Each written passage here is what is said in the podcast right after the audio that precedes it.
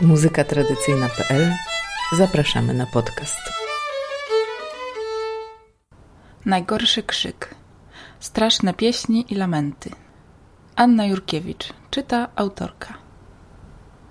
Poznając zanikające praktyki związane z żegnaniem zmarłych na wsi, a szczególnie śpiewy pogrzebowe, zetknęłam się z wieloma wypowiedziami wskazującymi, że rozpaczanie w obliczu śmierci jest dziś przy pogrzebach czymś niepożądanym. Starsi śpiewacy opowiadają, że rodziny coraz częściej wyraźnie nie życzą sobie śpiewu przy pogrzebie, żeby nie przytłaczać zebranych i nie pogłębiać smutku. Stare miejscowe melodie pieśni pogrzebowych bywają określane jako straszne i ciężkie, a śpiew porównywany do krzyku lub jęku, w pejoratywnych określeniach do darcia się i zawodzenia. Sami śpiewacy wskazują, że śpiew przy ciele zmarłego trzeba wyciągać, czyli śpiewać odpowiednio wolno i żałobnie. Dźwięk powinien ciągnąć się bez przerw. Jak mówi jeden ze śpiewaków, jak jeden łapał powietrze, to drugi w tym czasie ciągnął. Przyjrzyjmy się przykładowi takiej strasznej pieśni. Śpiewak z Bojewa niedaleko Węgrowa, urodzony tuż po wojnie, prowadził śpiewy pogrzebowe od swojej młodości aż do pierwszej dekady XXI wieku. Poznałam go w 2015 roku. Po zaśpiewaniu nam pieśni Już leżę śmiercią uśpiony, dodał, że przy niej to już najgorszy krzyk był. To jedna z pieśni, w których śpiewacy przemawiają w imieniu zmarłego. Słowami pieśni, przez pośrednictwo śpiewaków, zmarły stwierdza fakt swojej śmierci i żegna się po kolei z pozostawionymi dziećmi, żoną lub mężem, rodzicami i znajomymi, dziękując za wspólne życie. Według relacji pana Henryka w Bojewie podczas wieczornych czuwań przy ciele zmarłego właśnie tej pieśni towarzyszyła kulminacja rozpaczy najbliższych. Płacz i okrzyki bólu związanego ze stratą. Obserwując zmiany w sposobie żegnania zmarłych, od miejsca pożegnania po środowisko dźwiękowe, można odnieść wrażenie, że organizatorzy współczesnych pogrzebów w Polsce starają się zminimalizować ryzyko spontanicznego wybuchu emocji. Nie ma miejsca na płacz, głośną skargę bliskich. Tymczasem dawniej w kulturze wiejskiej w Polsce, tak jak wszędzie, istniały formy wspólnotowego przeżywania, które dawały przestrzeń na rozpacz w obliczu śmierci i w innych sytuacjach granicznych. Lamenty rodziny i głośny płacz były ważnym elementem obrzędów. Opłakiwanie straty jest też niezbędną częścią przeżywania żałoby. Tekście zarysowuję tylko kilka wątków związanych z szerokim i niewyczerpanym tematem opłakiwania i skargi. Czytanie będzie przypominało patrzenie na obraz w kalejdoskopie, złożony z różnobarwnych, nieforemnych odłamków, który w każdej dłoni i w każdym momencie ułoży się inaczej. Polecam też tekst Ewy Grochowskiej pod tytułem Lament, opublikowany w przekroju w grudniu 2020 roku. Zawiera opisy wielu lamentów, których autorka była uczestniczką lub świadkiem. Ślady lamentów w śpiewie. Na płycie z nagraniami Andrzeja Bieńkowskiego Śpiewy, gwizdy, krzyki można znaleźć pieśń Stał mąż z płaczem przy grobie, którą śpiewa Zofia Plaskota z Brogowej na Radomszczyźnie, urodzona w 1905 roku. Młodsza śpiewaczka z Brogowej, Krystyna Ciesielska, wspomina ją jako babcię Plaskocinę, od której poznała wiele pieśni. Według Ciesielskiej tę pieśń śpiewano jak kobita umarła. Zaczyna się ona opisem lamentu męża nad trumną zmarłej małżonki, która osierodziła dzieci i opowiada dalej o losie sierot, źle traktowanych przez drugą żonę ojca. Dzieci żalą się matce i wzywają jej opieki, a zmarła komunikuje się z macochą, broniąc swoich dzieci, więc ich skarga przynosi wymierny skutek. Zostając jeszcze na chwilę w Brogowej, warto wspomnieć o pieśniach sierocych, które śpiewano do ślubu osobom osieroconym przez oboje lub jedno z rodziców. Krystyna Ciesielska zna kilka z nich, bo powojenne wesela najczęściej nie obywały się bez pieśni sierocych. Są w nich także motywy skargi i opłakiwania zmarłych, na przykład choćby zagrała wszelako muzyka, trumbili trymbace i tak nie obudzam z grobu mojej mamy, samo serce my płace. W XIX wieku lamenty i opłakiwanie towarzyszyły czasowi między śmiercią i pochówkiem. Praktyka lamentowania nad grobem, także podczas dni zadusznych, rozwinęła się bujnie na wschodzie i tam pojawia się jeszcze współcześnie. Lamenty, czyli hołosinia, na przykład na białoruskim i ukraińskim Polesiu. na płycie Andrzeja Bieńkowskiego Białoruś, śpiewy obrzędowe, śpiewy z kołchozów, można usłyszeć Anastazję Jakowec z Łopczy, która wykonuje żartobliwą parodię lamentu pogrzebowego po mężu, podobną w formie do lamentów wykonywanych na cmentarzu.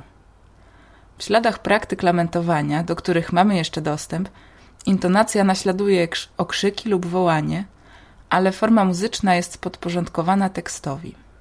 Oskar Kolberg w tomie Chełmskie podkreślał znaczenie głośnego płaczu, który był obowiązkiem rodziny.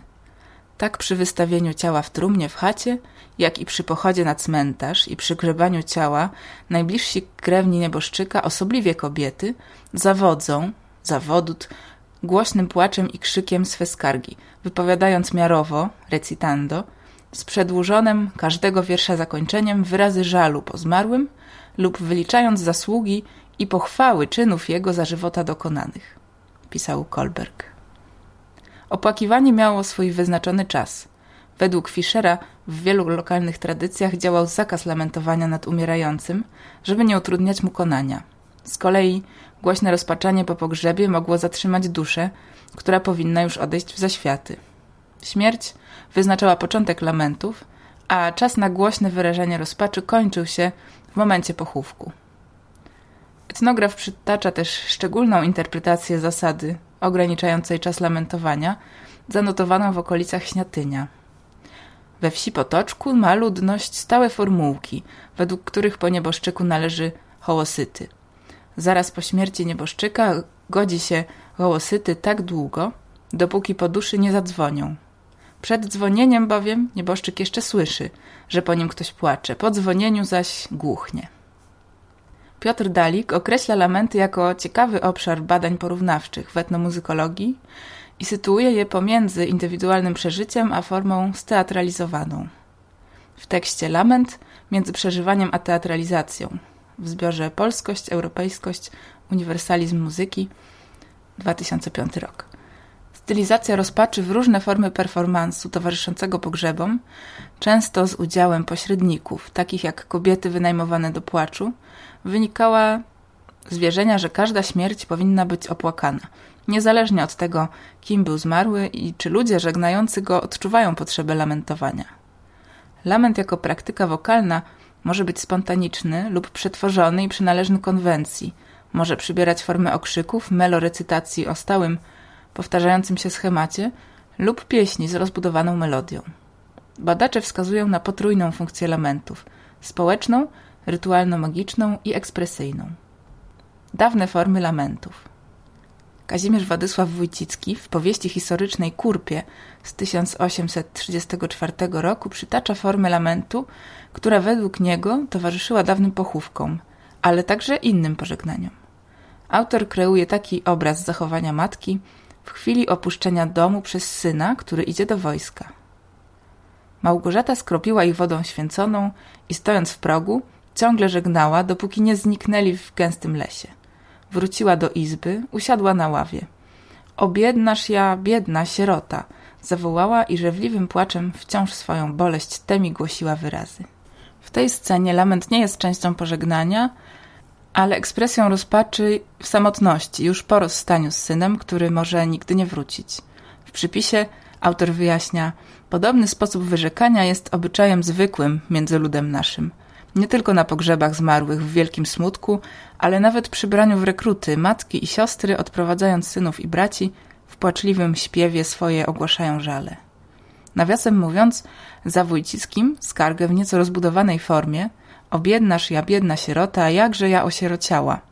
Kolberg przytacza w tomie Mazowsze, obraz etnograficzny Mazowsze Stare, jako typowy element pogrzebu.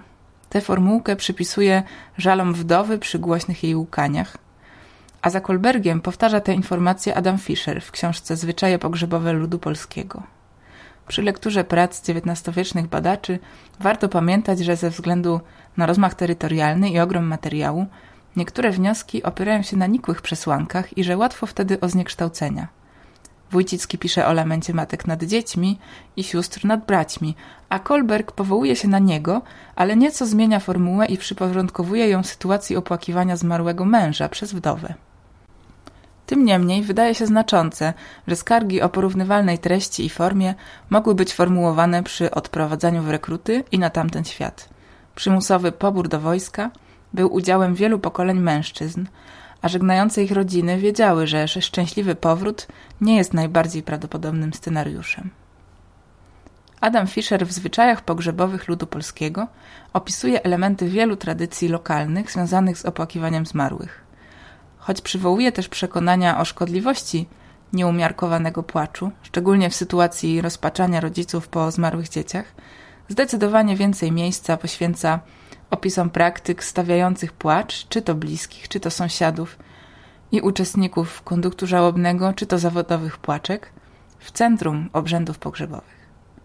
Według Fischera, m.in. w Prusach, w Kieleckiem, Poznańskiem, Sierackiem, w okolicach Wielunia, Raciborza i Częstochowy głośny płacz, jęki i łkania zaczynały się tuż po śmierci. Domownicy często wybiegali przed dom z krzykiem. Nad ciałem i nad grobem wyrzekano głośno, żeby ulżyć duszy. W Przemyskiem opłakują zmarłych niewiasty należące do najbliższej rodziny nieboszczyka, a niekiedy nawet najęte płaczki. Opłakiwanie to ma miejsce zwykle przy składaniu ciała do trumny, przy wynoszeniu z chaty i po spuszczeniu do grobu. W Rudawie pod Krakowem nad grobem wszyscy najbliżsi krewni rzucają się z płaczem ogromnym na trumnę, ściskają ją i całują. Fischer prezentuje też własną interpretację tych praktyk. Według niego zawodzenie było raczej czynnością obrzędową, aniżeli objawem istotnego żalu. Michał Federowski w pierwszym tomie dzieła pod tytułem Lud okolic Żarek, Siewierza i Pilicy. Jego zwyczaje, sposób życia, obrzędy podania, gusła, zabobony, pieśni, zabawy, przysłowia, zagadki i właściwości mowy 1888 roku opisał szczegółowo lament praktykowany na Śląsku w okolicach Siewierza. Zaraz po śmierci mężczyzny żona jego, a po zgonie kobiety najbliższa z krewniaczek, wybiega przez chatę, a zakrywszy twarz zapaską, trzymaną w obu rękach, poczyna rzewnie płakać. Płacz ten poczyna się coraz wzmagać, tak, że nareszcie przechodzi w głośne łkanie. Potem wszystkim kobieta puszcza się wzdłuż drogi, w pośrodku wieś przeżynającej, a zawodząc, to jest od czasu do czasu przeplatając płaczem, wymienia w krótkich słowach swój żal głęboki po stracie ukochanej osoby i jej pewne zalety. Potem wywołane głośnym płaczem sąsiadki i krewniaczki wybiegają przed progi chałup, skąd prosto podążają do zwłok zmarłego. Tutaj, wsparłszy na rękach zwieszone głowy, wszczynają ogólny płacz, niemal ryk, przerywany niekiedy łkaniem, który kończy się gorącą modlitwą, odmawianą półgłosem za duszę zmarłego. Tu cicha modlitwa pojawia się dopiero po wyczerpaniu się sił opłakujących.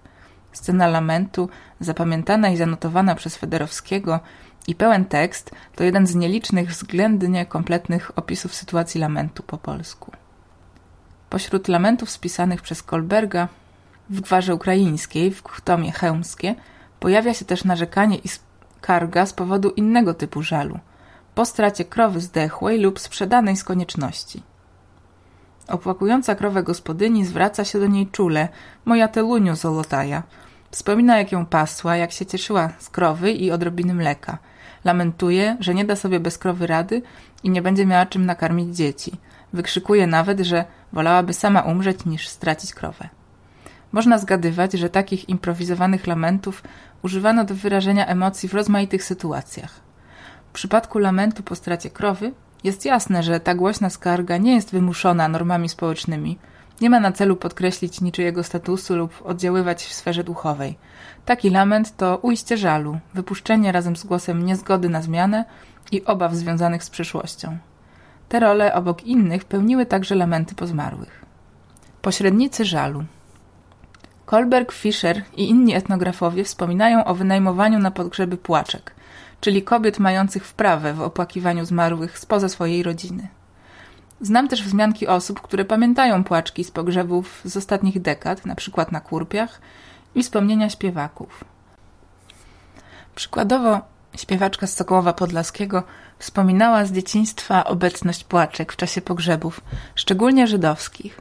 Praktyka zwoływania na pogrzeb kobiet, które z powołania znajmują się opłakiwaniem, jest zresztą żywa w wielu kulturach.